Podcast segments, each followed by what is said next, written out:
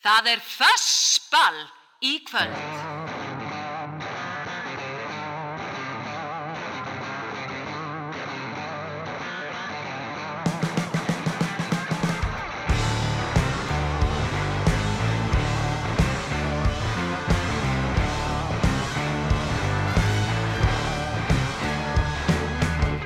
Löggjært maður í skrum sinna, tóll heimtum aður tískuna.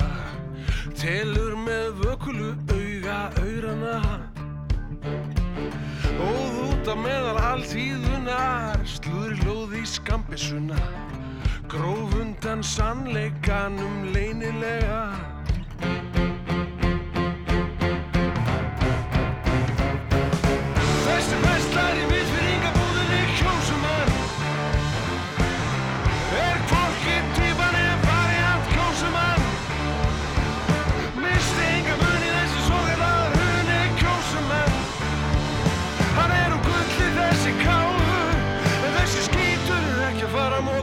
sjálfur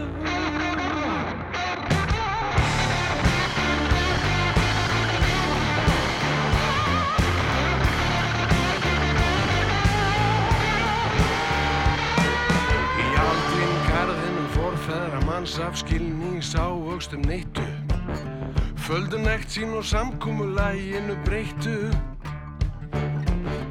Þeir sem heima sitta hungum orða spyrja sig í kvöld Hvað eiga börnum mín að borða? Skellt í bóttin gröð, þetta er allt á réttri braut Kvísla kálfurinn Kvísla kálfurinn Með suðusleiknum orða forða Þessi vestlar er vitt fyrir yngre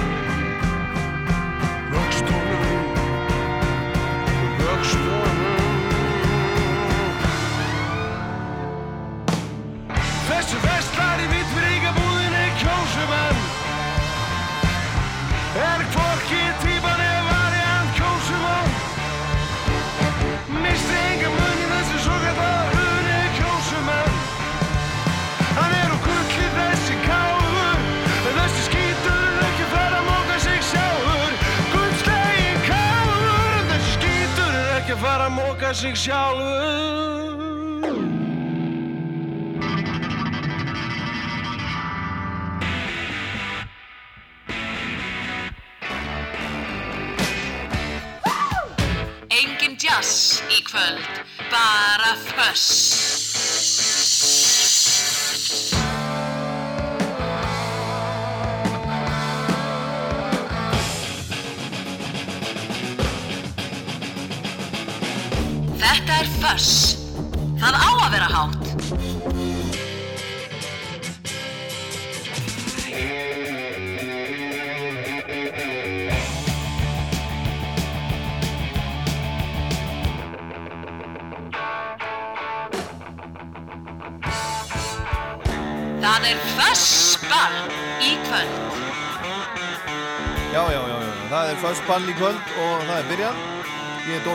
og ætla að stýra því.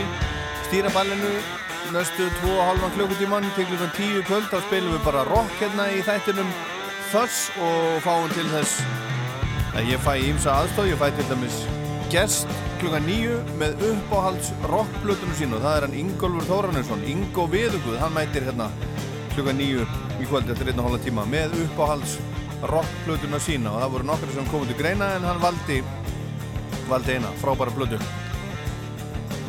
Svo er það síminn, ég ætla að uh, byggja ykkur um að vera í sambandi hérna á ettir, opna fyrir síman og, og óskætti því að þið ringið sem flest eða minnst ekki svona fimm. Ég, ég vil eitt á að teki svona við fimm óskum óskalögum. Og það er ekki bara til þess að gera ykkur greiða góður hlustendur heldur er það til þess að gera okkur öllum greiða vegna þess að það verður þetta fjölbreyttara og skemmtilegra sem er sem við spilaði í þessum, þessum þætti Svo er það plata þáttarins sem við heyrum af svona eins og þrjú lög það er fyrsta plata Iron Maiden sem að verður 40 ára gummul 40 ára gömul eftir bara rétt rúma mánuð núna í, í april, 14. april kom út 14. april 1980 en við byrjum hérna á Jónasi Sig og, og Ritvelum framtíðarinnar af ávöxtunum skuluði þekkja þá kjósumann og hérna næst þá ætla ég að spila fyrir ykkur ég fjall alveg flatur fyrir þessu þegar ég heyrði þetta lag í fyrsta skipti og, og sá sá þess að hljómsveit flytja lagi hjá, hjá David Letterman og ég veit að ég var ekki sá eini. Svo leiði ekki nema hálft árendi þá kom sveitin og spilaði hérna á Æsland Erfum, það er til upptaka í safni útdóðsins frá því þið spiluði í listasafninu. Þessi skemmtilega hljómsveit. Future Islands, lægi heitir Seasons Waiting on You. Seasons change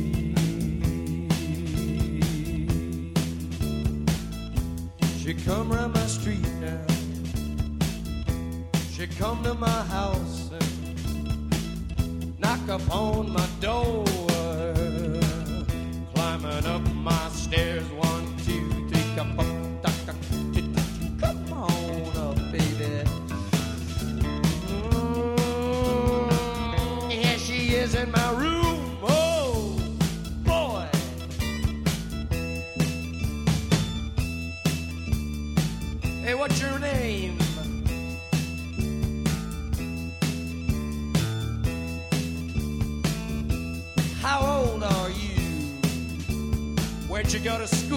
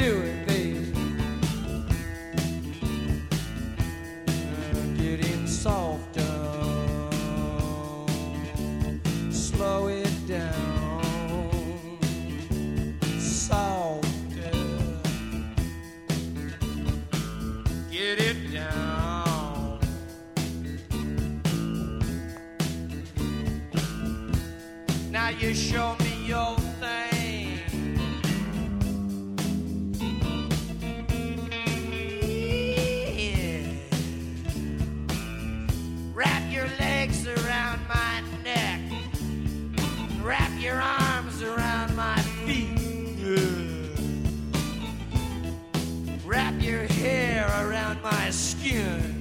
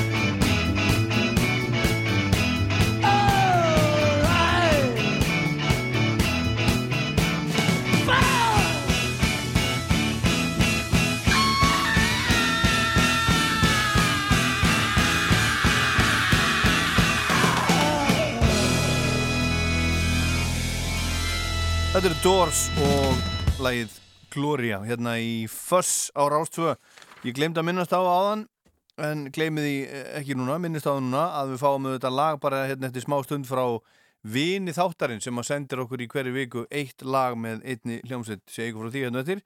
En ég spilaði í síðasta þætti var ekki síðasta þætti sem vorum að, vorum að taka ofan fyrir Brian Jones og Rolling Stones.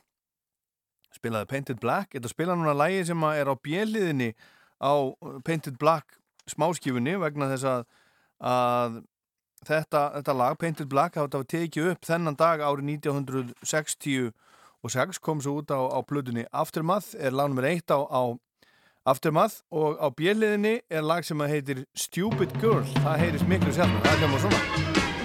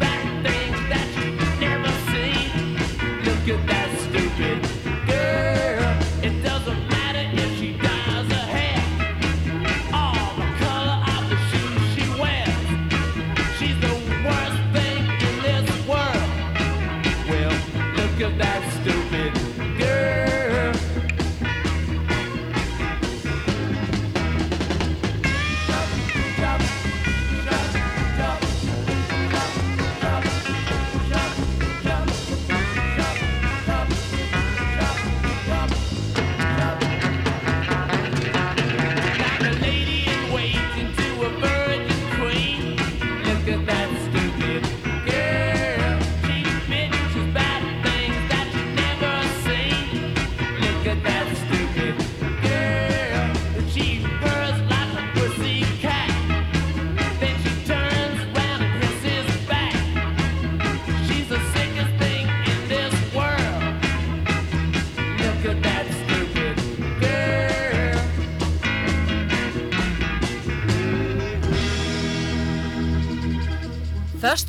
Föstudagskvöld hálf átta til tíu. Þöss með Ólafur. I've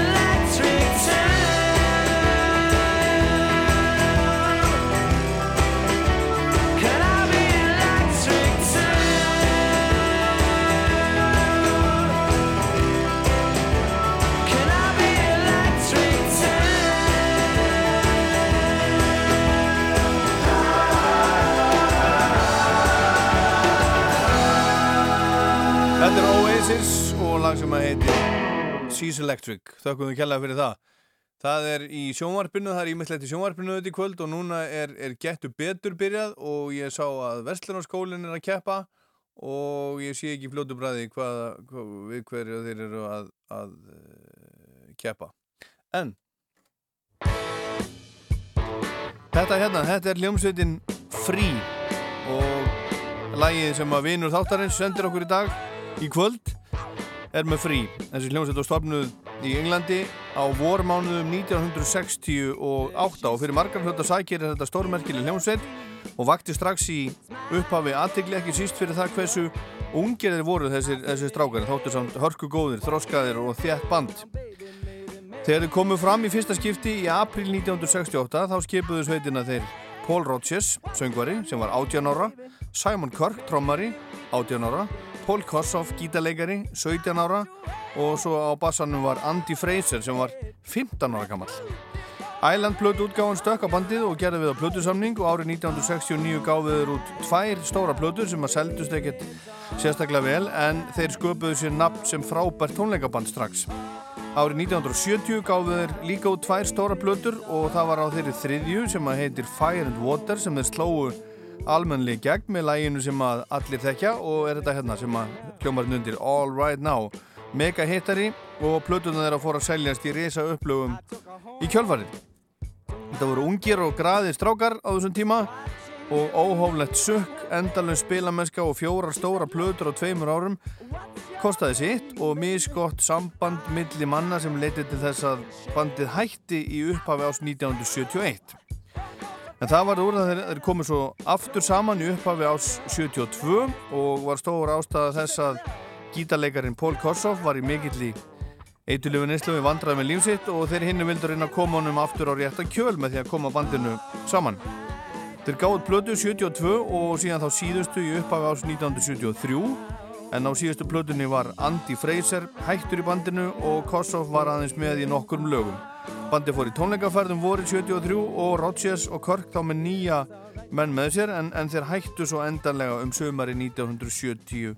Og þegar þeir hættu fóru menn í ymsar áttir en Rodgers og Kirk stopnuðu hljómsveitina Bad Company sem var risaband. Andy Fraser hafði árið 1972 stopnað hljómsveitina Sharks með gítarleikarinn Chris Spedding, spilar hann ekki örgla á Sumir á Sílandi, ég manna ekki, minni það. Og Kossoff stopnaði sitt band The Backstreet Crawler en því miður lést hann langt um aldur fram aðeins 25 ára gammal í mars 1976 og ástæðan var sukk og svínari langvarandi eitulífaneisla 25 ára gammal en við skulum heyra lag veinu þáttarins valdi fyrir okkur lag af fyrstu fyrstu plötunni sem að heitir Tons of Sops fyrstu plötunni með Free sem sagt. Og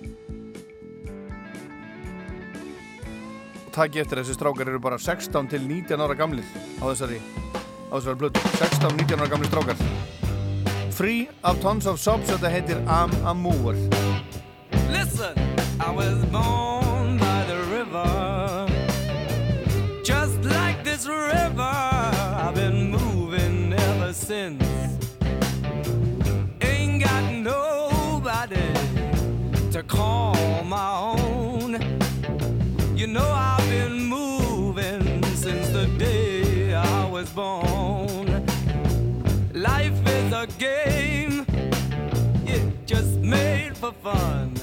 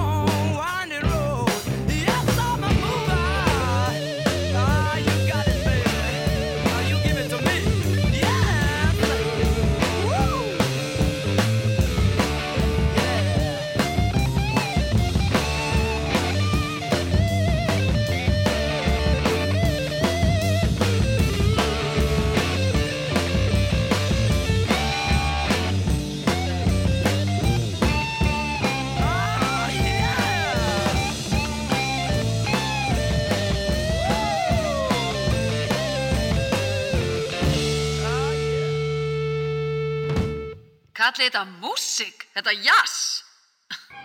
Þess er miklu betra.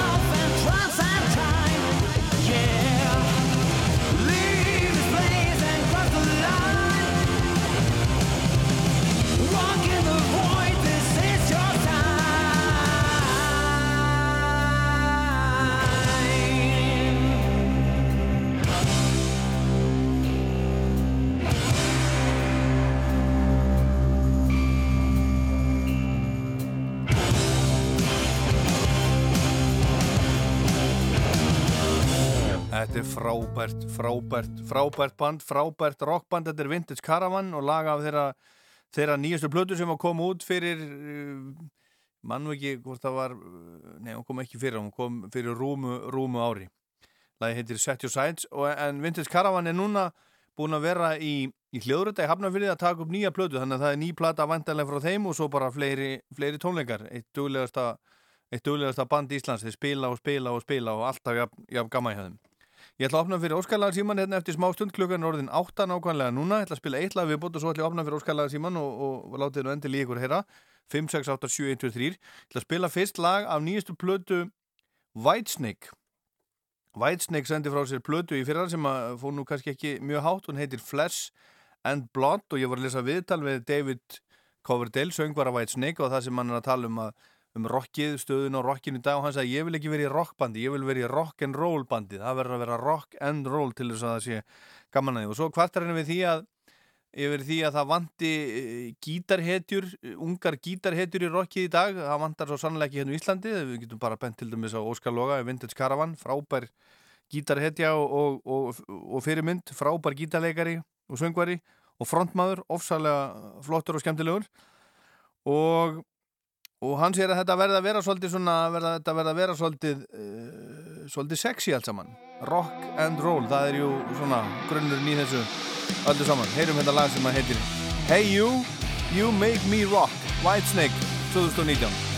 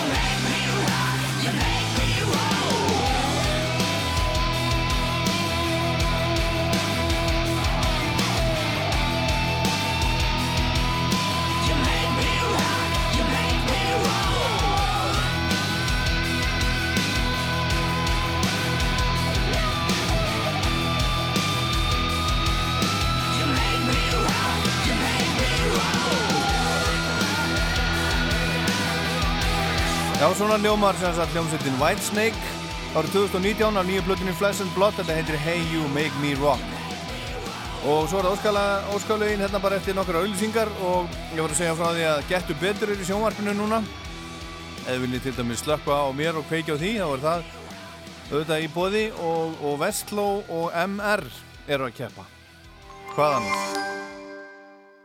Nú standa yfir átlettdagar í æsver. Alltaf 80% afsláttur. Vandaðar útivistaförur á átlettverðum. Æsver. Þín útivist, þín ánæja. Glæni klaustursbleikja, fiskbúðin Hafberg, Gnóðavegi. Nýtt hjólísi frá 3.190.000. Útilegumæðurinn Mosó. Framkvæmda gleði húsasmiðunar er hafinn og húsasmiðjublaði komið út. Allt frá parketti til málningar á miklu lagra verði. Húsasmiðja. Spenna og dramatík, vonarstjörnur og velunaðir mistarar. Opið frá 10 til 21 alla daga vikunar. Bókamarkaðurinn Laugardalsvelli. Verið velkomin á blómamarkað Garðheima í dag. Ótrúlegt úrval af einstökum blómum á frábæru verði. Garðheimar. Kombótilbúð á Grill 66. El Rino ostborgari, franskar kók og læjón á aðeins 1090 krónur. Grill 66. Við erum á Ólís. Sófadagar í Ylva. 20 til 40% afsláttur af öllum sófum, hægjendastólum, sófaborðum og mottum. Komdu í veslin okkar, skoðaðu úrvalið og fáðu ráðgjöf með valið. Ylva Korputorki. Hann er ódýrari og 100% rafmagnaður. Volkswagen e-Golf kemur þér lengra en þú heldur á rafmagninu einu saman. Og þú þarf aldrei að taka eldsneiti aftur. Hekla. 30 miljónur í pottinum fyrir einn heppin miðaeganda í miljónaveldunni. Drögum á þriðjudag. Happdrætti Háskóla Íslands. Það er komið að byggarmótinu í hópfimleikum og að þessu sinni er kæft í Áskarði í Garðabæ. Allt okkar besta hópfimleikafólk verður í eldlínunni og hægt barist um sigurinn. Byggarmótið í hópfimleikum, sunnudaginn 8. mars, klukkan fjögur á rúf. Meira fjör! Meira fjör! Meira foss! Meira foss! Meira fjör! Svona, svona, svona, svona. Takk. Meira fjör, meira foss. Nú er það, það síminn 5687123 og ég vil endilega heyra í ykkur svo að þetta verði eh, bara fjölbreyttara og, og skemmtilegra. Halló Róstuða. Já, góða kvöldið. Góða kvöldið, hver, er- hver er þar? Það er Jón Ingi heiti ég, frá Sólsi. Jón Ingi á Selfossi? Já. Já. Þú, Ha, þú hefur spilað pappina þar. ég hef spilað hana, já. Já, ég spila meira henni. Ég get það. Hvað langar... Treat, treat me right með henni. Já, Treat Me Right. Þetta var á saflötu þetta gæðapopp hérna í. Á, ásamt, Ian Gillaband, hann að No Laughing in Heaven og... Já, já, ég á þetta til ábyggilega einhver staðar. Átta, áttana þessa? Nei, sýstum minn á hana. Gæða pop. Já. Já, hérna. Eh, Við erum, að- við erum að tala bara um, við erum að tala um forleifar hérna sko. Þetta er Já, bara já. 1980 og eitthvað. 1, 2, 3. Já, já. Já, Ian Gillan á ekki að spila líka bara Gillan-lægið. No, la, no Laughing in Heaven. Ég hef ekki spilað það. Kannski bara aldrei. Spila þessi bæði lög. Ég skal bara reyna það. Þú þakka að kella fyrir vinnur. Herðu, býtum við. Já, já, já. Herðu, þakka þér fyrir að ringja og hafa það gott. Já, sumulegis. Bless, bless. Bless. Rás 2. Já, já, já, já. Halló? Óli, Já. hinn selfisingurinn, Hinn selfisingurinn, þetta slögt á, slögt á tölfunni. þessi klikkaði, Já, heyrðu hann? já. Þú varst að byggja um eitthvað sem að þú heldur að enginn hafi heyrt og eitthvað nýtt. Nei, ekkert endilega, bara, þú veist, ef ég vel öll lögin, þá, þá, þá verður það sko minni fjölbreytni, sjóðu til. Ok. Þarf ekki endilega að vera nýtt eða eitthvað sem enginn hefur heyrt, bara að það sé eitthvað annað en úr hausnum á mér. Ég held nefnilega að Dr. Rock hefur aldrei heyrt þetta. þetta þeir heita Black Water Rising. Black Water Rising, það þekki ég ekki. Dance with the Devil er helviti gott lag. Ég, alveg, ég dyrka að vera með þetta fyrir innan hjálminn þegar ég er að kera. Já, já, já, já. Og þeir eru, þetta er svona, ég myndi, ég myndi flokka á svona sem svona biker cruise uh, rock'n'roll. Já, já. Ég, ég skil hvað þú átti við. Já. Ég, ég skil þetta og ég er komið með þetta. Ég, ég spila þetta fyrir þig veitir. Takk svo mikið. Herðu, takk fyrir að ringja. Já, bæ. Það er Rástu 5687123 er síminn. Halló, hver er þar? Já, góða kvöldið nafni. Já, góða kvöldið. Góða kvöldið. Hvað ætlað þú að bjóða okkur upp á í kvöld? Hefðu, ég ætla nú bara að fá að setja á fónunin Guns N' Roses. Hvernig líst mönnum á það? Já, já. Ha, eitthvað svona krassandi og gott sem, sem væri gott að fá að heyra inn í helgin og svona. Krassandi, krassandi með Guns N' Roses. Já. Það er komið. Já, það ekki. Herðu, Bara í góðu stuði. ljómandi, takk fyrir að ringja. Já, sömulegis. Já, bless, bless. bless, bless. Rástu Hver er þar? Halló. Halló. Já, góð. Ha, ertu að segja eitthvað? Ég heyri eitthvað í líðir. Nú, heyrðu í mér. Já, þú voru að tala í tólið. Já, já. Herðu, hva, hvað heitir maðurinn? Heyrðu, þetta er Jónas hérna í Mexiko. Já, Jónas í Mexíkó. Já, já, já, Heyrðu. já. Enn og aftur. Hvað, hvað ætlað þú að bjóða okkur upp á? Heyrðu, koma svolítið föss í þetta. Já, Það er að taka hérna Rock the Nation með Montrose. já. Herðu, Montrose, Montrose, Rock the Nation. Já. Herðu, hvað er, það er eitthvað mexikans band sem ég ætlaði að spila hérna. Nú, Rock the Nation. Þeir heita held ég var? Los Cannibales. Þekkir það? Þekkir það? nei, nei, Herðu, ég held að þeir heiti það. Ég ætla, ég hérna, láttu heyra. ég, ég, eftir. ég, ég hérna, minnist á Jónas í Mexiko ef ég spila það á hérna eftir. Ef ég, ef, ég, ef ég finn þetta sem ég er, ég var að hugsa þetta í dag, svo var ég búin að gleyma því, en það er ágætt og hringdir, þá myndi ég eftir því. Minnaði á það. Já, en hvað er hérna, þú ert í Mexiko, í, í Já. hérna Mexiko borg, það ekki? Jú, jú. Og hvað er klukkan og svona hjá þér núna og, og Hún er rétt rúmlega tvö. að degi til? Eftirmiddaginn. Já, Það er ekki komið koronadæmi en þá sko. nei, en hvað er hérna, hún, hún er bara tvö eftir hádegi og, og hvað, er- hvað er þetta að gera? Ég er bara að að vinna hérna heima. Já, í hver? Ha, Hvað ég ertu að er gera? Selja, selja hérna krabba, krabba vélar frá uh, Kapp, Já, já, já, já, ís, ískrabba. já, já, já, já. Já, já, já, já. Og gengur vel? Já, já, já. Ég var þarf að kæla niður heima, þá lítur að þurfa að kæla niður hérna. Jú, jú, og ertu búin að vera hann lengi og í þessu lengi? Í, í Mexiko? Já, Ég er búin að vera hérna í 38 ár. nú það er ekkert annað. Það er ekkert, ekkert já. leiðinni heim? ekki, ekki alveg. Nema svona öðru hvoru bara. Já, bara er ykkur í smá heimsók. Herðu, herðu, Jónas, takk fyrir að ringja og takk fyrir að hlusta. Gaman að, gaman að skulir hérna gera það hérna út í Mexiko, Mexiko. Já. Ha, takk fyrir Þú, kærlega. þú ert mjög viðsatt hérna. Takk fyrir. Heyrið þér. Heyrið sérna. Bless, Ok. bless. Takk. Takk fyrir. Bless, Bye. bless. Halló, Rástu. Halló. Já, góð daginn. Góð dag. Kvöldið, hver, hver er þar? Gretar Eiríksson hérna. Gretar Einarsson. E Eiríksson. Gretar Eiríksson, hvaðan er þú að ringja? Herru, við erum bara leiðin úr bænum. Já, hvert er það að fara? Við erum að fara hérna uh, suðu fyrir fjall í Grímsnesið. Já, já. Er það að fara að gera eitthvað sérstætt? Já, bara svona róleg, róleg bústa helgi. Já, já, já. Aðeins að, aðeins að setja okkur í, í stuttar sókví. Já, já, já. Einmitt, en, en hvað langar okkur að heyra? Ég var alveg til að heyra hérna Led Zeppelin, það er. Já, Since I've been loving you eða, eða eitthvað. já. Á því tímabili. Herðu, býtu nú við. Það er sko, hérna, ég var eiginlega búin að, búin að stilla upp, sko, spila tónleika útgáfa af Stairway to Heaven, vegna þess að, að eh, þennan dag árið 1971, þá, þá spiluðu þeir í, í Dublin, eh, Já. fyrsta skiptir sem við spiluðu í Dublin, þennan dag, sem sagt, 71, og, og uh, annað skiptið sem við spiluðu Stairway to Heaven á ferlinum. Það Mér fannst það- bara- góð áminning til þess að spila Stairway to Heaven, það er aldrei oft spilað og ætla að finna einhverja, má, má ekki finna einhverja góða tónleika útgáfa af, af læginu og, og spila það fyrir þig? Algjörlega, ég, ég er mikið til í það. Er það ekki? Erðu, Stairway to Heaven. Takk fyrir að ringja kjærlega og hafið það gott í sveitinni. Bless, bless. Góða stundir Já, takk, bless, bless. Og þá er komið að lægi af, af blödu þáttarinn sem er fyrsta plata Iron Maiden sem heitir Iron Maiden eins og, og hljómsveitin.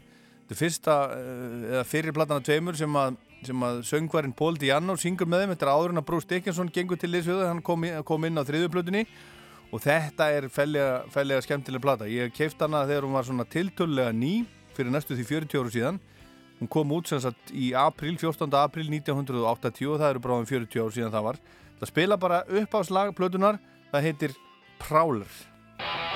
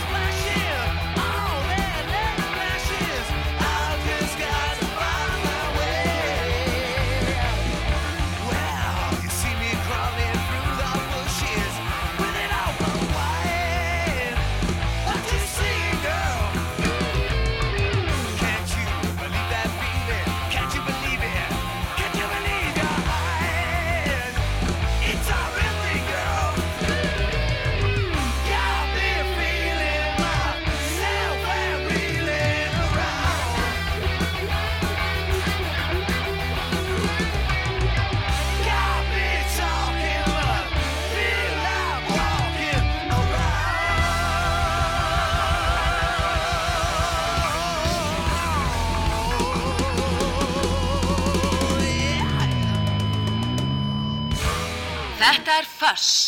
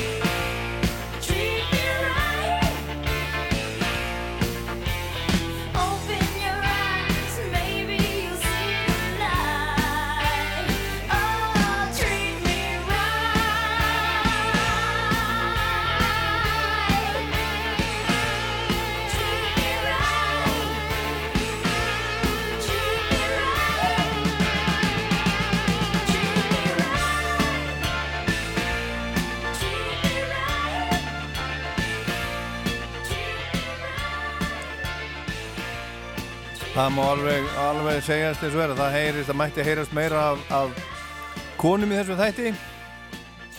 Það er bara svo leiðis að þetta er, þetta er einaðum að mista gústi.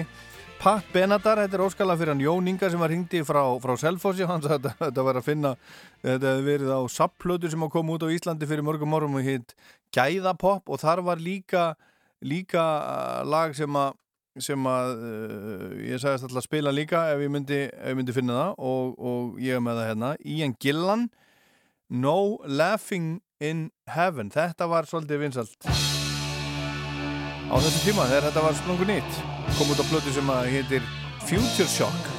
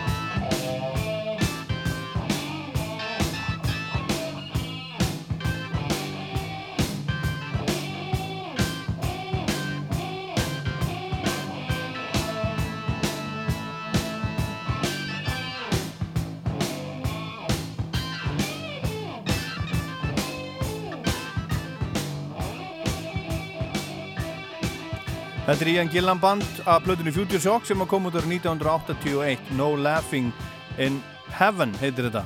En hann ringdi hérna áðan hann Jónas í Mexiko og vildi heyra í Montrose, ég ætla að spila Montrose hérna eftir ég var, var að rifja upp þessa hljómsveit þessa, þessa mexikósku hljómsveit sem sem að ég held að héti Los Cannibales, hún heitir bara Cannibales, sendi frá sér EP-plötu í hittifyrra sem að heitir Rock and Roll, hvað annað? Rock and Roll og ég veit ekki hvað þetta þýðir en, en þetta er flott lag, heitir Ven Acui þetta er frá Mexiko fyrir okkur, Jónas. Fyrir þig sérstaklega, svo meira. Montrose hérna á eftir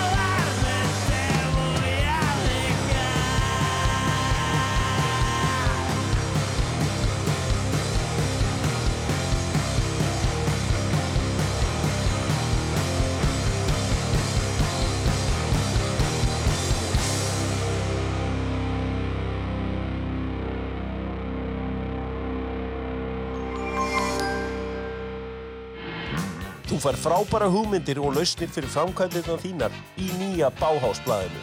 Opið til sjö í kvöld. Bauhaus mikið úrvald gæði og lágt verð alltaf. Hjólhísi, hjólhísi. Útilegumadurinn Mosó. Le bistrot. Je adore franskur veitingastaður á Lugarvegi 12. Bon appétit.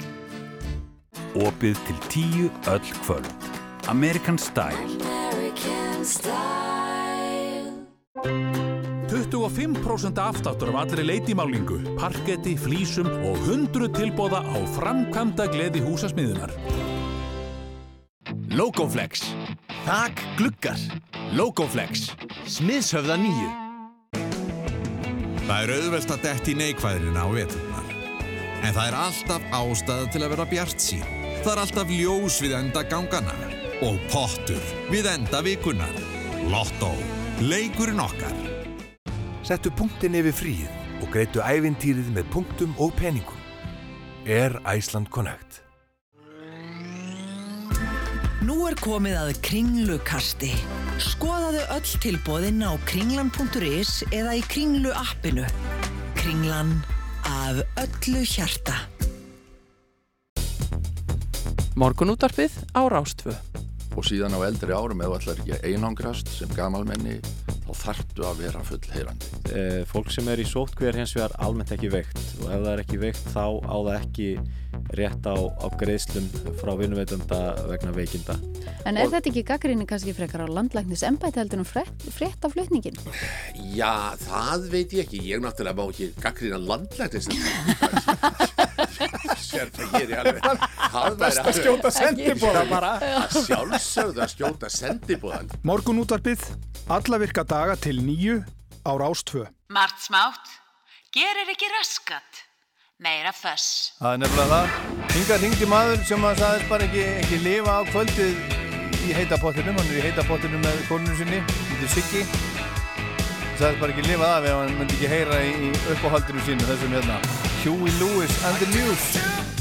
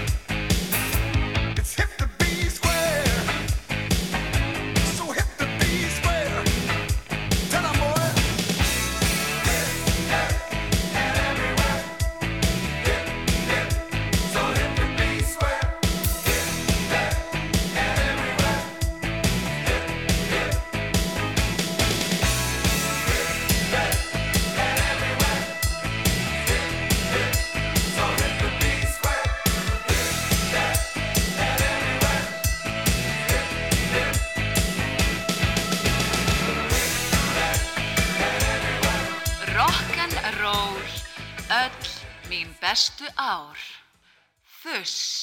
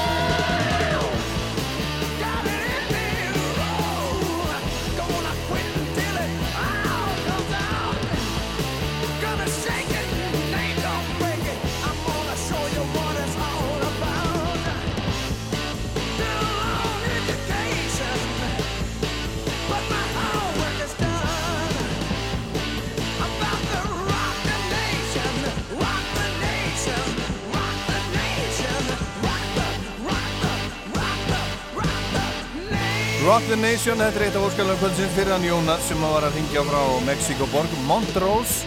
Sami Heikar að syngja þarna sem að gegn svo setna til liðs við Van Halen. Þetta er að blötu sem að heitir bara Montrose og kom út ára 1973 og svo er það hann Ólafur, nafnu minn sem að ringdi hérna hann vildi heyra eitthvað, eitthvað krassandi með, með Guns N' Roses. Og ég veit ekki hvort þetta er kannski jújú, jú, þetta er alveg, alveg krassandi. Þetta er You're Crazy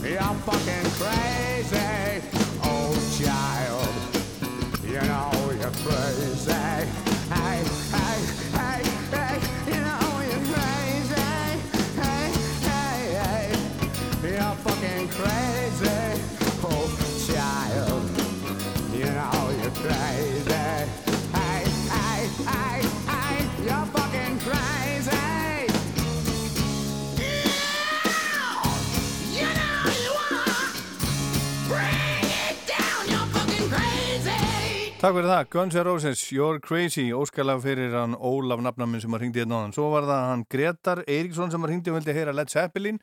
Ég sagði hann að ég myndi vilja spila Stairway to Heaven vegna þess að það var þennan dag ára 1971 sem þau voru að spila í fyrsta skipti í Dublin og í annað skipti sem þeir spiluðu Stairway to Heaven á ferlinum ofinbellega en svo datt mér annað hug sem er eiginlega bara ennþá, ennþá betra að spila Stairway to Heaven með hljómsveitinni Hart sem að leiða sýsturnar Ann og Nancy Wilson upptaka frá, frá Kennedy Honors 2012 en, en þetta, þetta Kennedy uh, Center Honors, það er þetta er svona mm, það sem að bandaríkja fósetti heiðrar listamenn fyrir framlag sitt til bandarískrar menningar svona bara í gegnum tíðina. Þetta er, þetta er gert í Kennedy Center uh, óperahúsinu í, í Washington Washington DC og 2012 þá fekk sagt, Led Zeppelin þessi, þessi velun, þeir fjórir John Paul Jones, Jimmy Page og, og Robert Plant, þar að segja, já, þeir, þeir þrýr sem voru þá lifandi.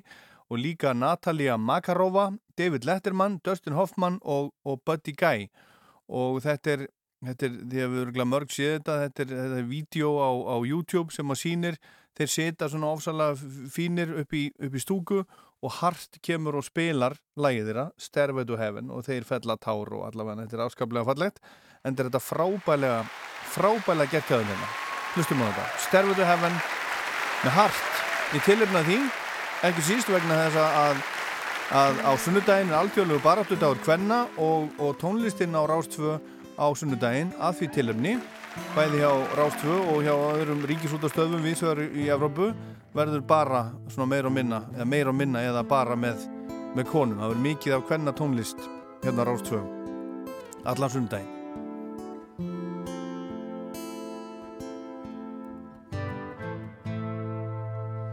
There's a lady who's sure all that glitters is gold, and she's buying a stairway to hell. When she gets there, she knows if the stores are all closed, with a word she can get what she came for.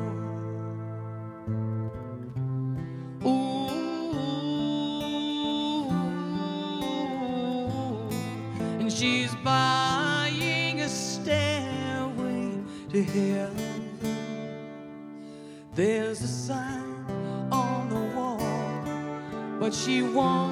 To be sure.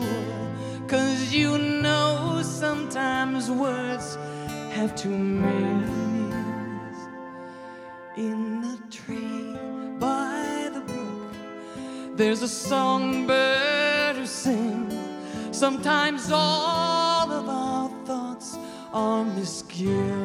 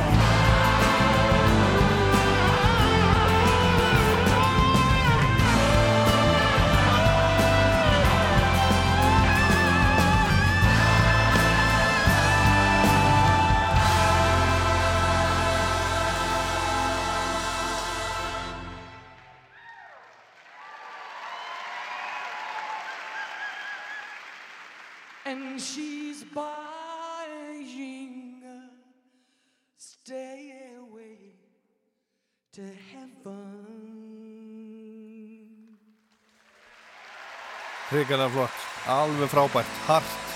Stairway to Heaven á Kennedy, Kennedy Honors 2012 þar sem að fósiti bandarækjana heiðraði Led Zeppelin fyrir, fyrir framlag sitt fyrir, fyrir framlag sitt til bara bandarískrar menningar í gegnum tíðina, það er bara svo leiðis En þá er klukkan bráðum nýju og gerstu þáttarins á leiðinni Ingólfur Þórarinsson, Ingo, Ingo Veðuguð, hann kemur hérna með uppáhalds rockplötunum sína rétt á eftir. En fyrst skulum við fá eitt lag af plötu þáttarins sem er Iron Maiden, fyrsta plata Iron Maiden sem kom út árið 1980, þetta er, þetta er svona, myndi ég segja, svolítið tímamóta plata, kom út bæði í Breitlandi og, og, og bandarækjunum með reyndar einu aukalagi, Sanctuary, í bandarækjunum og hún fekk nú yfirleitt jákvæða dóma en sveitin sjálf hefur oft talað um að upptökurna væri alveg nógu vandaður og platan ekki alveg nógu góð. Hún náði fjóruðarsæti breska vinsallalistan sem hún kom út og kom þessum risum breska þungaráksins vel á korti út um alla Európa. Þetta var náttúrulega alveg splungu ný hljómsveit þarna á þessum tíma enda, enda fyrsta, fyrsta platan þeirra. Og þetta er eina plata sveitarna sem Dennis Stratton spilar á gítarleikari og vil nokkur Malone, hann er titlaður upptökustjóri en meðlimir hljómsveitarnar hafa oft talað um það að hann hafi svona lítið sem engan áhuga haft á hljómsveitinni eða þessari plötu þegar þeir voru að vinna með honum og þeir hafi í rauninni stjórnað upptökum sjálfur án þess að hafa haft kunnáttu til þess, bara þeir og, og upptökum maðurinn. En svona þessi, já við hefum nú viljað hafa hana aðeins öðruvísi, við erum ekki alveg nú ánaði með hana. Mér finnst hún alveg frábæri þessi plata. Heyrðum á hann uppáfslægið á aðliðinni sem að heitir Prowler. Ætla að spila næst lag sem að heitir Remember Tomorrow.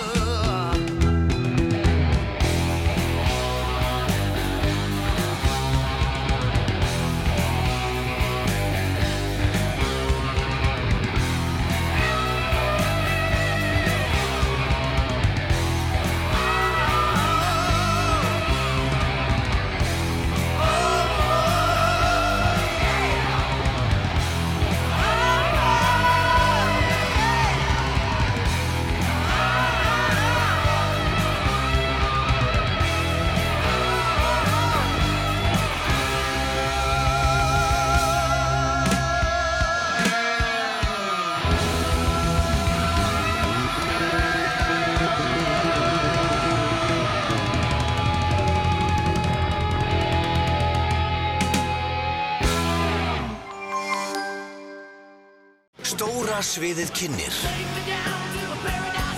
Skonrock Allar sleggjurnar í apríl í Hofi Akureyri og Silfurbergi Hörpu Miðasala er hafinn á tix.is Glæni klaustursbleikja, fiskbúðin Hafberg, Gnóðavegi. Snittur, bröðtertur, veislutertur og konfektbakkar. Vefveslun okkar er opinn allan sólarringin á bakarameistarin.is. Bakarameistarin fyrir alla. Danskir dagar í höllinni.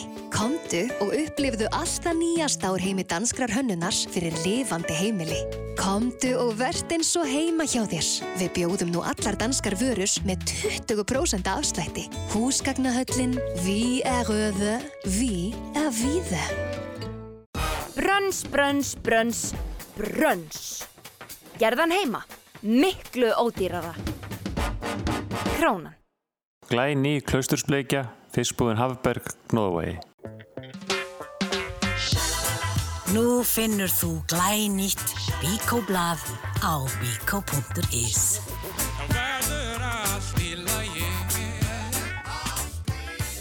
Ekki jazz, heldur föss. Þetta er þátturinn Föss og gestur þáttarins er kominn Ingólfur Þórarinsson, Ingo Veðuguð. Yes. Hérna, um, hvort, hvort uh, finnst þér svona þægilega að kalla þig? Ingo, Ingól Þórarinsson eða Ingo, Ingo Veðuguð? Ég sko, sem, ég, ég líti á Ingo Veðugur bara svona eins og Toyota sko, þetta er alveg svona vörumerki sko. Já. Þannig að ég tek það bara á kassan, Ingo Veðugur, það er betur Ingo Idol sem var alltaf sko. Þú ert reyndar þegar, þegar ég ringdi í þig, Já. þá er Ingo Idol hérna í símanum mínu. Já, það er orðið 14 ára gammaltur. Já, það er líka hérna, hérna hún Heiða Ólafs vingunum minn sem var lengi hérna, hún er alltaf Heiða Idol í, í símanum hjá mér. Já, þetta er kross sem við þurfum að bera sko, þannig Idol-stjórnum það sko. Já, já, en, en, en er, er, þetta, er þetta þungur, er þetta þungur kross? Idol, Já. sko nei, Þetta kom þér á kortið? Já, vissu leiti sko Ég get alveg tekið undir það En þú veist, uh, fyrst sko, það er allavega fyrst að maður náði svona aðeins að slíta þetta frá sér, þá er alveg gaman þú veist, að þetta sé ennþá svona smá grín en þú veist, ég held að við komum mann svo smá á kortið Já. svo þurftum maður að móka skurðina sko. Já. Þannig að þetta er svona, já, ædolið sko, jú, jú, þetta var skemmtilega reynsla Já, en hérna, en þú, þú ert alltaf að spila, þú, þú vinnur við að spila. Já, já, ég bara, já, er á fullu búin að vera raun bara síðustu tíu ári eða allar helgar að gera eitthvað og svona Já. myrjavik og hitt og þetta og, og mjög svona fjölbreytt sem ég geri, þú veist, ég er svona eiginlega alltaf slít á þetta hjá mér bara svona, ég er bara einn maður með gítar, Já. svo mæti ég með gítar já. Og ég þá svolítið bara lesi hvað sé best að gera hverju sinni Já. og svo hef ég samið lögin á milli og gefið út og er svona aðeins að fara meira út í það núna því það er alltaf, ég held að flestir tengi við það sem er í svona gig-karki svona meira gefandi að gera sín eigin lög Já. Þannig að ég er að reyna að færa mig meir út í það og gera þá kannski fleiri lög og vera aðeins dugleiri í stúdíónu sko, því álög, maður það bara þetta upp svo bara, þú bara gert eina blödu, þegar ekki? Jú, ég gerði, gerði plötu með veðuguðunum fyrsta platan, svo gerði ég eina soloplötu sem að held ég seldist í átta eintökum sko. Já, já. og fór ekkert svo vel sko. Og svo hérna, svo hef ég svona gefið út eitt og eitt lag síðan þá í raun og veru. Og svona var, tók svolítið langa pásu frá það að gefa út, ég var bara það kostar svolítið orku og svona að vera að gigga mikið og maður svona gleymir kannski að sinna því svona sem að koma hann á kortið. Já. þannig ég er svona færast meir út í það núna að reyna að vera duglegur að gefa út og það sem er gaman um mér er að ég sem svona alls konar lög sko, þannig að ég er svona það er þetta fyrir mig að staðsetja með eitthvað staðar þannig að ég er svona mér finnst það bara gaman eins og því að bransin er búin að breytast þannig að erum að fara að tala um plötu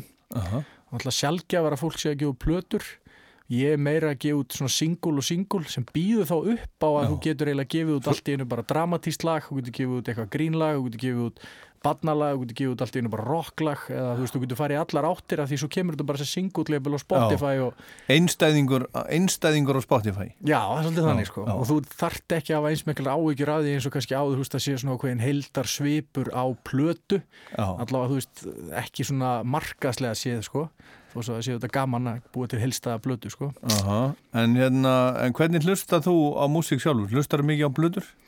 Sko ég nefnilega, ég saknaði svolítið mikið, ég, ég hlusta bara, nei, ég hlusta bara í gegnum Spotify, ég nota það bara. En það er náttúrulega að velja þar blöður Já, og rúla Ég hlusta mest á blöður á Spotify sko Já, og rúla þeim bara. Já, já Já, heimitt. Ég Mér finnst það svo skemmtilegt, það er svo, það er svo, það er svo einhvern veginn, það er svo mikið alvöru, það er, það er, nær, það er einhvern veginn svona ánægin, hlusturinn ánægin, hún er, hún er Já. þar fyrst mér sko. Já, ég þarf líklega bara að gera meira af því aftur sko, þú veist, að því þegar diskarnir voru, þú veist, ég er alveg svo kynsluði, bara ég geisla diska kynsluðin alveg Já. all-in sko, þá er ég bara... Áttu diskarnaðina þá?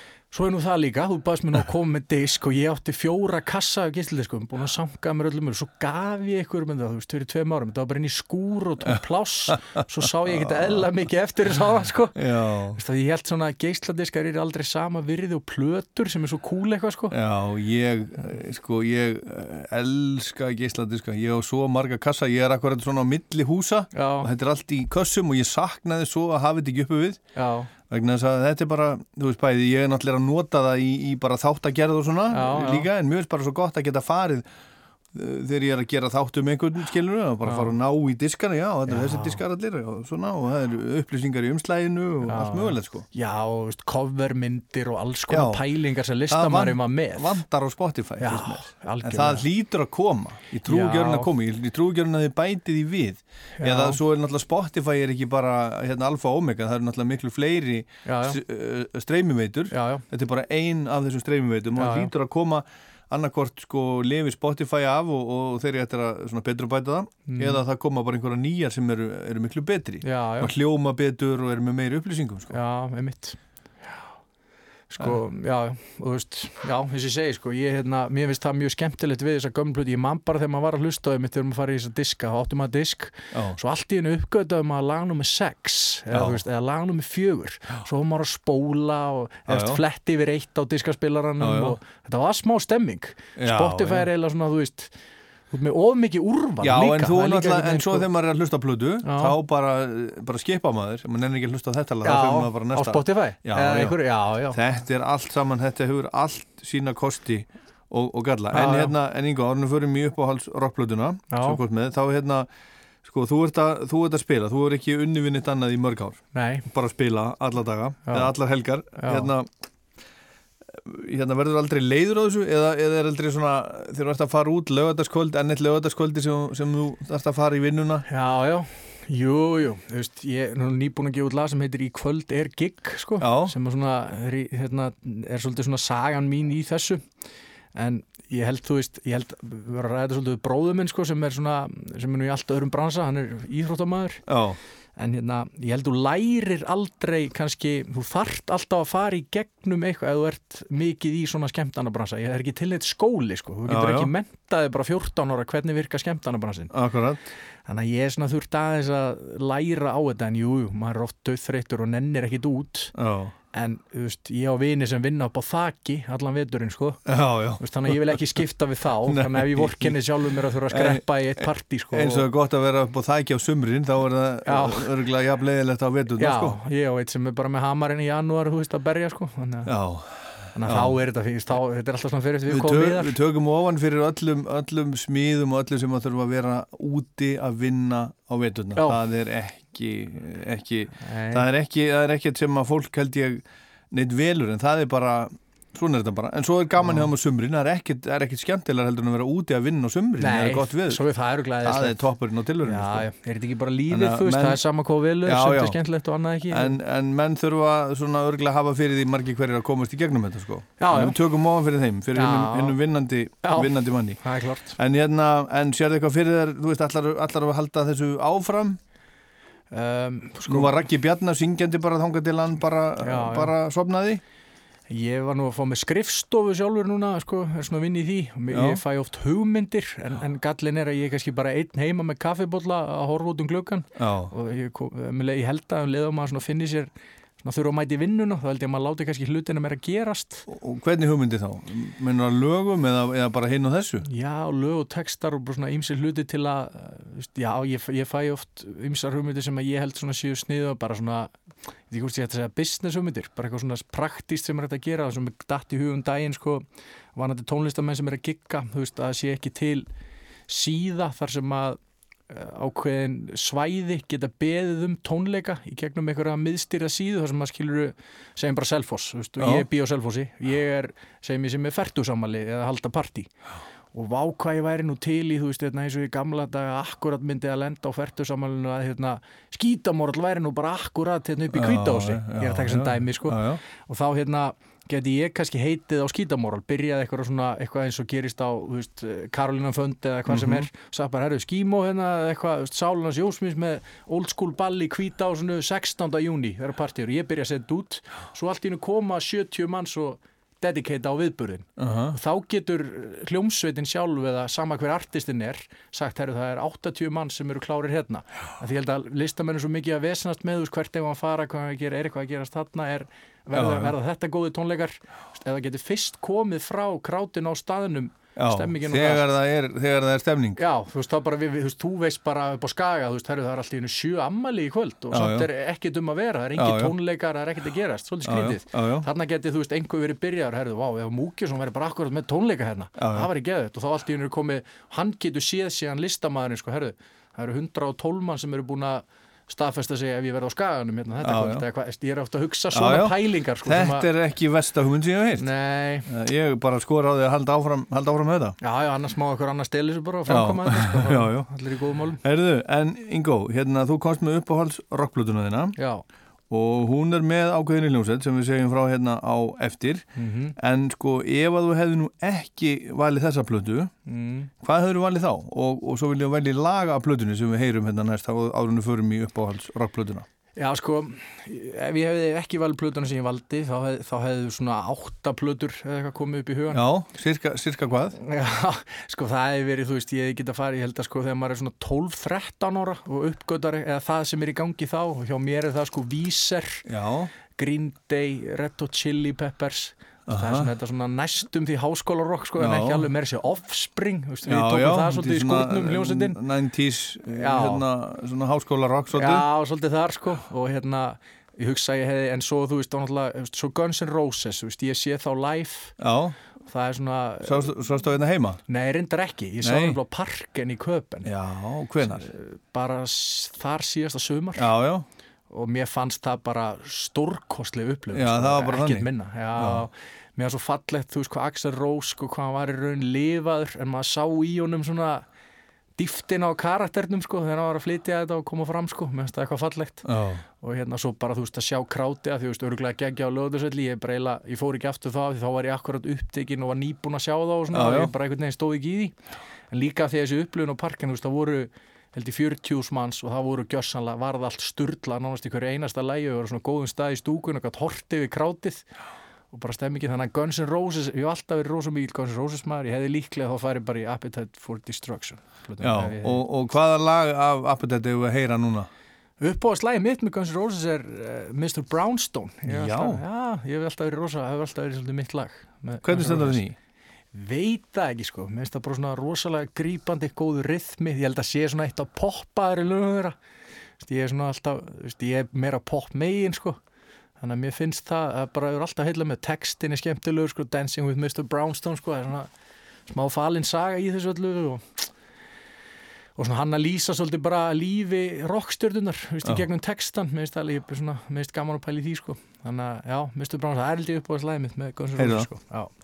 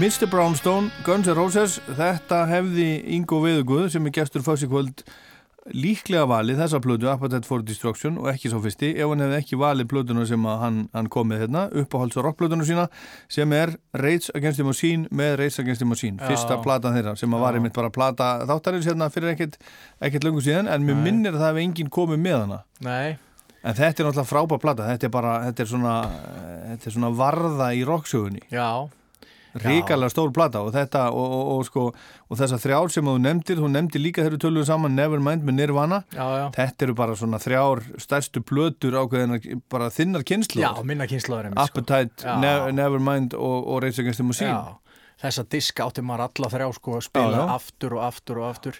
En einhvern veginn ekki þessum með sín þú veist, það, ég hef ennþá haldið í það og mér finnst það svo margt áhugavert bara við þetta band sko þú veist, ég Geggjað band. gjörsamlega sturla sko, þú veist, og Tom Morello gítarleikar þetta skríti, ég nefnilega eignaði sko DFD-disk, það sem voru live í Mexiko Já. og það er eitthvað að sturla sem ég sé sko, þegar oft spurt sko ef þú mætti sjá eina hljómsveit upp á sitt besta sko og vera á einum tónleikum. Ég, veist, að vera að bera ofan í pittinum sko, bara gaurar sko, einhverjum tónleikum í Mexico City og þeir að henda í alla þessa hittara sko, og bara gjörsamlega stu, ég hef aldrei síðan eins og ég horfði á þessu tónleika aftur og aftur og ég bara smitaðist einhvern veginn af stemmingunni sko, við vorum að tellja í Já. riffin og allt þetta og þú er náttúrulega svo ungur, þú er ekki séð á einn hjafnafyrinum Nei, ég er nefnilega ekki sko ég var þar Það hefur verið 93 92 eða 3 Já, ég held Það þessi plata kom út 92 Þetta var bara, þetta var bara ja, platan var bara nýkomin út sko. Já. ef ég man þetta rétt Já. þetta var bara, þeir voru bara að springa út sko. Já. Jet Black Joe hitað upp Já. Þetta var heldur gott. Þetta er alveg legendary gig. í, í Kaplakrika hefnafyrði, sjónvarpi tókuð upp þetta er til. Já, já. Til hérna í sjónvarpinu. Já, ég veist, sko eins og segir, eh, sko Rage Against the Machine, þú veist mér er svo margt sko við þessa hljómsveit þetta er svona alltaf, ég geta sett þetta á sko við svo mörg tilefni einhvern veginn. Mér finnst það vera rosa, þetta er svona tónlist sem bara þú ert reyður, þú ert fúll, þú ert niðri svo setur á eitthvað svona lag með þeim sko bara af svo mörgum, þú veist, mér finnst hinablutna líka frábærar og svo blastar þessu kannski bílnum með eitthvað og þú bara þú hættir að vorkjana sjálfur, bara automatist eða veist bara að það er eitthvað miklu reyðar en þú sko, já, sagt alveg rokka bara einhvern veginn sko, þetta er alveg geggja band og þeir eru, eru að fara að túra núna Já, einmitt. og hérna þeir eru náttúrulega svona þeir eru sko eiginlega í svona í, í, sko þetta er náttúrulega uh, það er engin hljómsveit í heiminum eins og Against the Machine. Þetta er svona hard rock og, og svona groovy funkað og svo er, þetta- rappa náttúrulega. Já, þannig að þú veist ég held að, held að, held að þeir hafi sko ég held að við kent mörgum bara að, að fíla rap Já, þetta hafi svona- leiðin leið margra inn í rap Já. heiminn sko og svo rappararnir færðin að nota kannski ramaskítara og eitthvað svona, þú veist, limp biscuit og Já, já, það var náttúrulega, sko. til, það er nú ekki, ekki, ekki, ekki uppáhaldi mitt, mér fannst aldrei mér sérstaklega gaman að Limp Bizkit til dæmis, en það voru margir, margir krakkar sem að elskuðu Limp Bizkit. Já, já, og fullt af svona dóti sem einhvern veginn kemur kannski í kjölfarið, sko Já.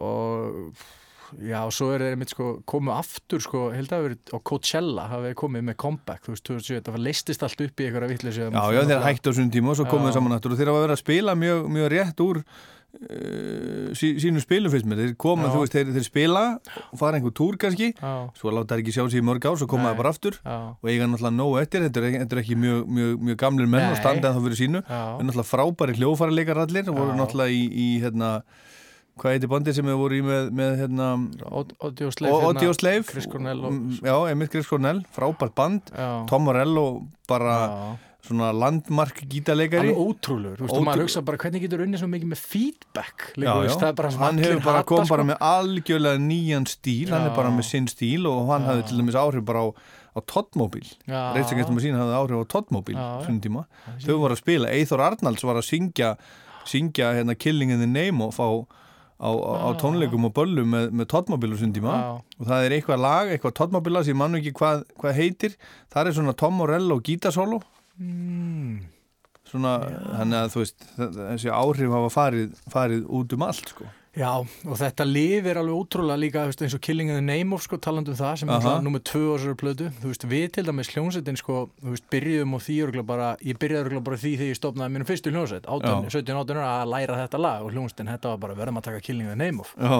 en þann dag í dag, þú veist, þá spilum við bara þorrablóti fjölnis eða eitthvað Já. og bara, við erum bara búin að ákvæða, erum strákar að því við erum með ramaskítan og það bara endur á Killing bara staðfest, Er svo er bara talið í það og það verður alltaf allt vittlust svo getur hjört á skólaballi og þú Aha. krakkar kunna þetta lag líka Nú er, sko. náttúrulega, náttúrulega krakkarnir sem voru að hlusta á þetta þegar þetta var nýtt, þeir eru þú veist, þeir eru á Já. 50-saldri Já, líka, já, algjörlega sko. en samt sko eins og þú veist og svo er ég, ég, ég, ég kærasta mín er fætt 93 sko ég let hann að fá, veist, þannig að þess að hún er alltaf að hlaupa og svo dullu að hlaupa Mhm. hún er alveg komið með Know Your Enemy og Killing the Name og fór Bomb Track og allt á playlistan og hleypa Já, við sko, svo er þetta líka svona pínu svona ræktargýrun, sko, að setja þetta á að fullu og þú bara, Mega dundur Já. Herru, við ætlum að heyra tvö lög af Reitsagastum og sín. Á hverju var að byrja? Uh, ég held að sé Know Your Enemy sko, ég held að sé stert sko. Þú velur það? Já, ég vel það, þú veist, mér veist líka náttúrulega að lesa sér endalist til um þá sko, þeir eru svo rosalega pólitískir í þessu öllu sko, þetta er allt, þú veist, og albumcoverið náttúrulega pólitísk mynd frá Vietnam og þú veist, þannig að Know Your Enemy, veist, þetta er geggjaðu texti og bara svo hart sko og flott allt saman, bara hvernig þetta byrjar á gítarinn og droppar í eitthvað hálfgert rap og bara sturlalag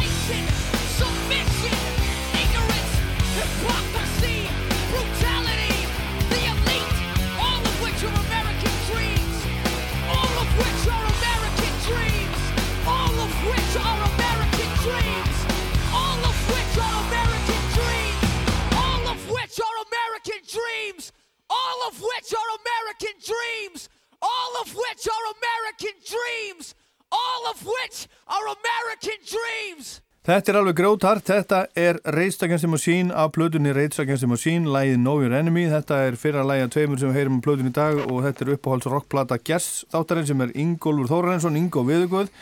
Þú sagðir hérna áðan Ingo að þú væri meiri poppari en svona, þú væri meira svona pop með, með lífinu, er það, er það þannig?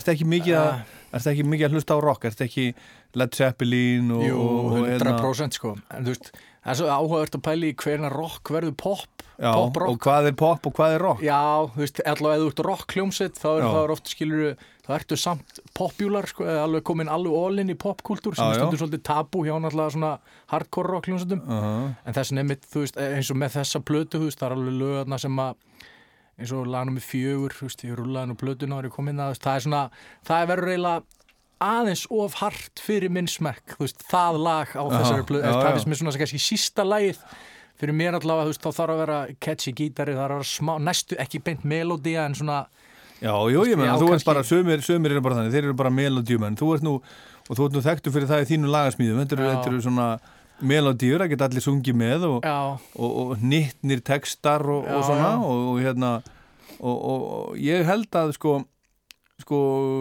ég hef uh, hitt fólk sem að bara gefur ekkert fyrir melodíur.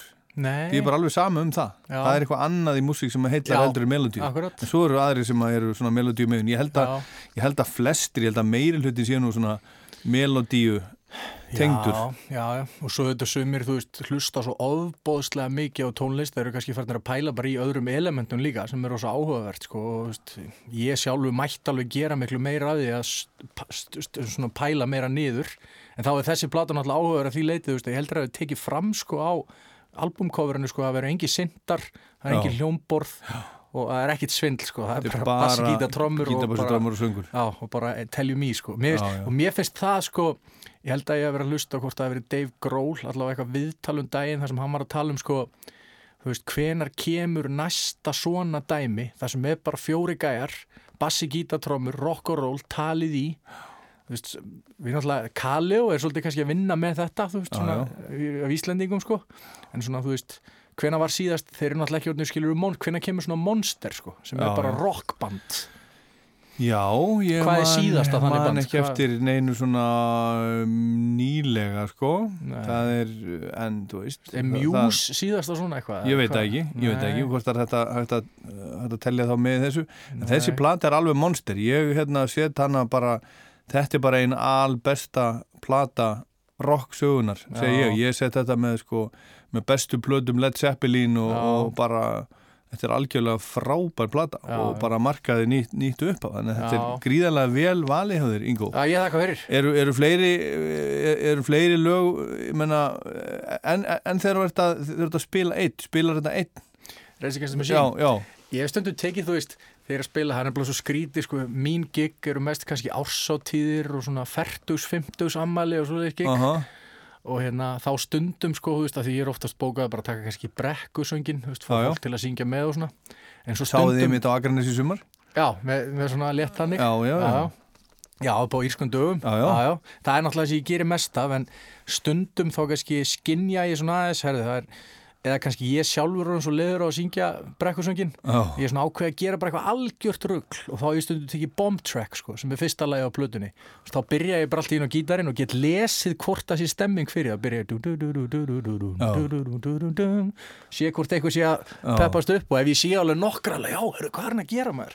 Þá get ég bara að byrja og þetta Þá- gerur, gerur einn bara Já, þetta, já, þetta gerir á gítarinn sko. Þetta er svona frekar einfalt og svo á ég kann svo mikið að textum þannig að það er svona það er kostur Þú manns bara textana Já, ég mann textana Já, er Já, þú ert ekki sko. með, með iPad með þér Nei, ég þakka fyrir það því ég veit að margir kollega minn er að dröslast með alltaf, alltaf aukala að taka iPadinn og helviti standinn undir hann og allt vesenið já.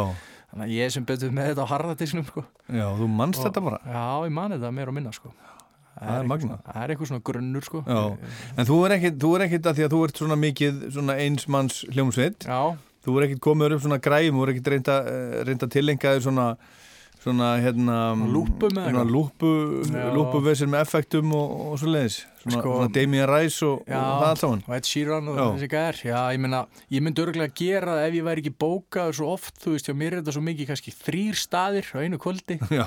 og bara 45 minnur á einu stað Já. og þá bara tekur auka þú veist, 12 minnur að setja lúpugræðan einhvern veginn og stilla svo öll upp og gera þetta alveg almennilega klárt þá ég líka að vera búin að þess að ákveða hvað ég geri og ég Já. er svona sjaldan búin að því þegar ég mæti gig þó ég veit alveg sirka í hvað ég er að fara Já.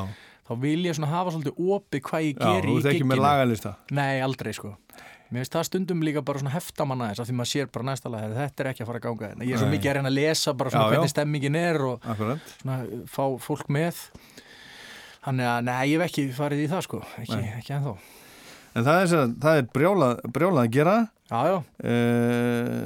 Þú veist nú, nú vantanlega hérna, lent í því eins og, og kollegaðinn er að það búið að afbóka eitthvað núna út af út af, út af koronaveirunni Já.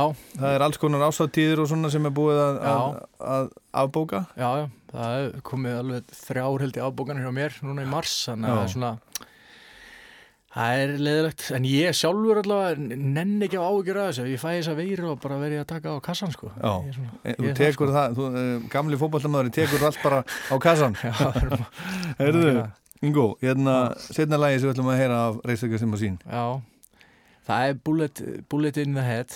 Og hérna, mér finnst sko af öllu, ég held ég hef hlustað á, þú veist, allar svona stóra rockplötur, svona sögunar, þú veist, sem eru bara mainstream og allir þekkja, ég held ég hef svona hlustað á þær allar í gegnsóldið.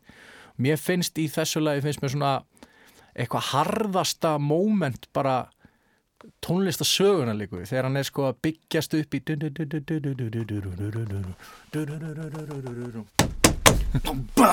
það bara þú veist ég veit ekki hvað ég hef lamið oft í stýrið við þetta sko, bílnum, sko. þannig að þetta finnst mér Þetta hlust, hlustar Ingo á í bílnum á leiðin á Já. Það er gig í kvöld, hlustum á reistökja sem að sín Já, það er svolítið svona milli þegar maður er búin að spila kannski eitthvað svona aðeins erfitt gig þá er fínt að henda þessu í bótt sko, og bara ef maður fesku fyrir næsta sko.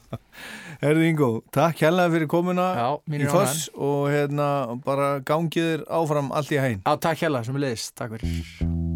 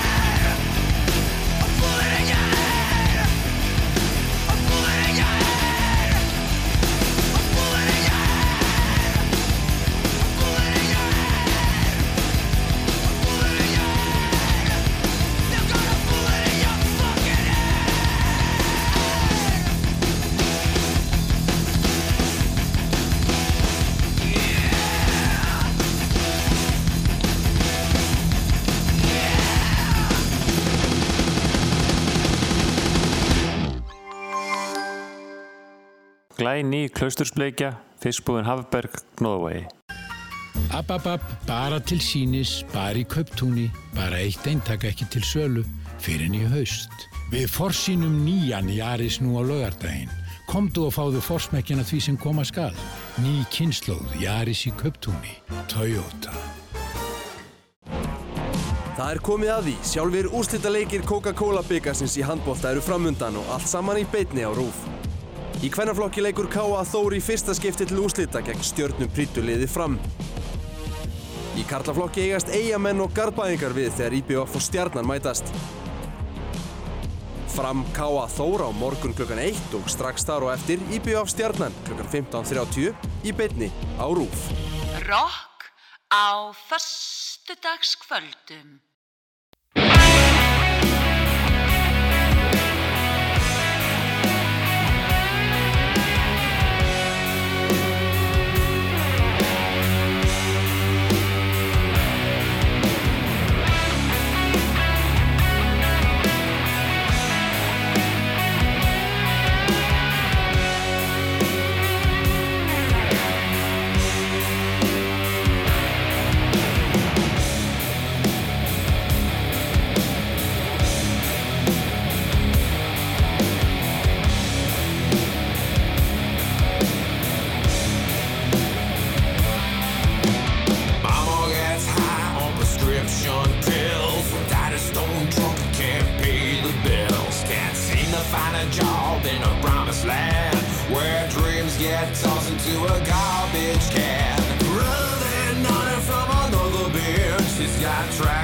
His arms and a dirty syringe. He's another lost, I'm a fight replica. And he's United States of America.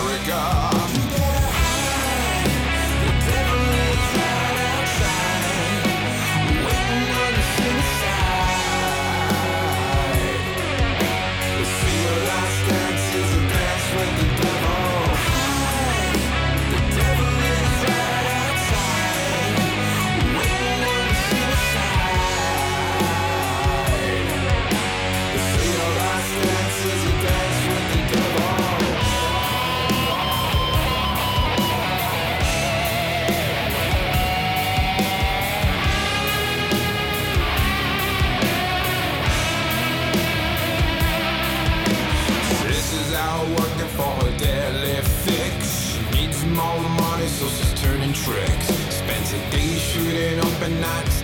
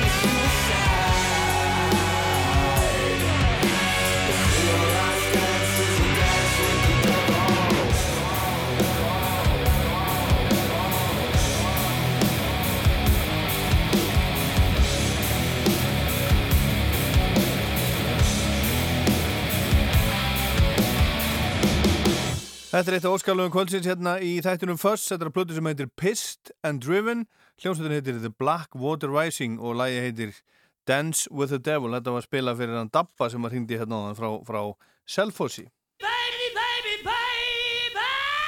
Come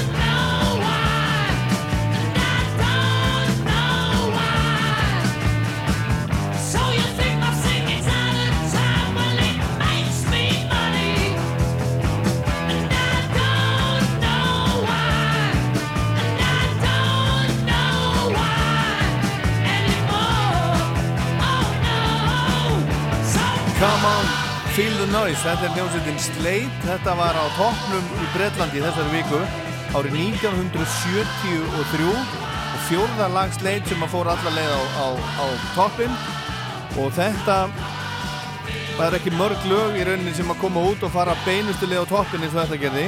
Þau lög sem að gerðu það hérna á undan þessu var uh, Get Back með Beatlonum þegar það kom 1969 og Elton John þegar hann gáði blöðuna Don't Shoot Me, I'm Only the, the Piano Player 1900 og, já hvaða, ég stendur ekki hvaða, hvaða ár það var. En þetta er svona Come On Feel the Noise er textasta lag þessar hljómsveitar. Á bjelliðinni var lag sem að heitir I'm Me, I'm Now and That's and That's All. Ég ætla að spila það. Það er hljóma svona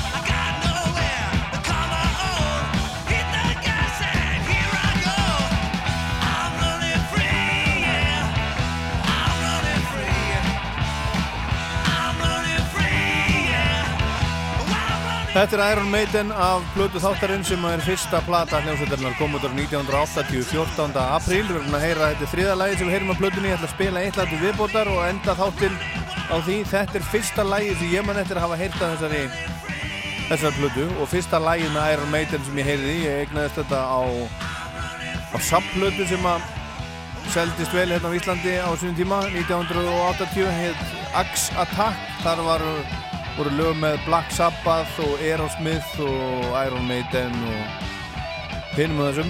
Frábær plata sem var einmitt plata, við, plata þáttarins hérna í fyrst einhvern tíman í, í hitti fyrra.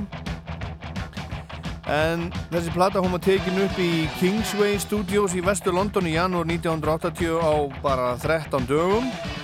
Og soundið á plötunni var svolítið hrátt og á þessum tíma var sveitin alveg eins talin á meðal punksveita eins og þungarasveita. Ég man til dæmis ég svona það var lítil mynd aftan af, af uh, hljómsveitinni aftan á þessari samplötu ef ég það rétt Axe Attack og þar var þetta svona svolítið já þetta bara var svolítið svona þeir lit út eins og, eins og punkarar í, í leðujökkum og gallabóksum en Iron Maiden hafði engan áhuga á því að, að uh, vera punk. Og bassarleikarin fóringin Steve Harris hann sagðist fyrirlít allt sem að hétti punk og hann í sveitinni eða hann og þeir í sveitinni vildu ekkert með, með punk hafa en það var það svo þannig. Þetta, var, þetta er ekkert þetta er alls ekkert punk langt frá því. En þá ætti ég að fara, fara að segja þetta gott. Búin að spila rock síðan 8, halv 8 í kvöld, alls konar rock. Ingo Viðugur kom hérna með uppáhalds rockplötuna sína sem var Rage Against the Machine með Rage Against the Machine frá 1992 og Iron Maiden sagt plata þáttarins, fyrsta platan 40 ára gömul núna í apríl og við endum þetta Föss, þetta fyrstöldaskvöld á læginu Phantom of the Opera þessari plötu. Ég heit Ólaður Páll. Takk fyrir að hlusta og góða helgi.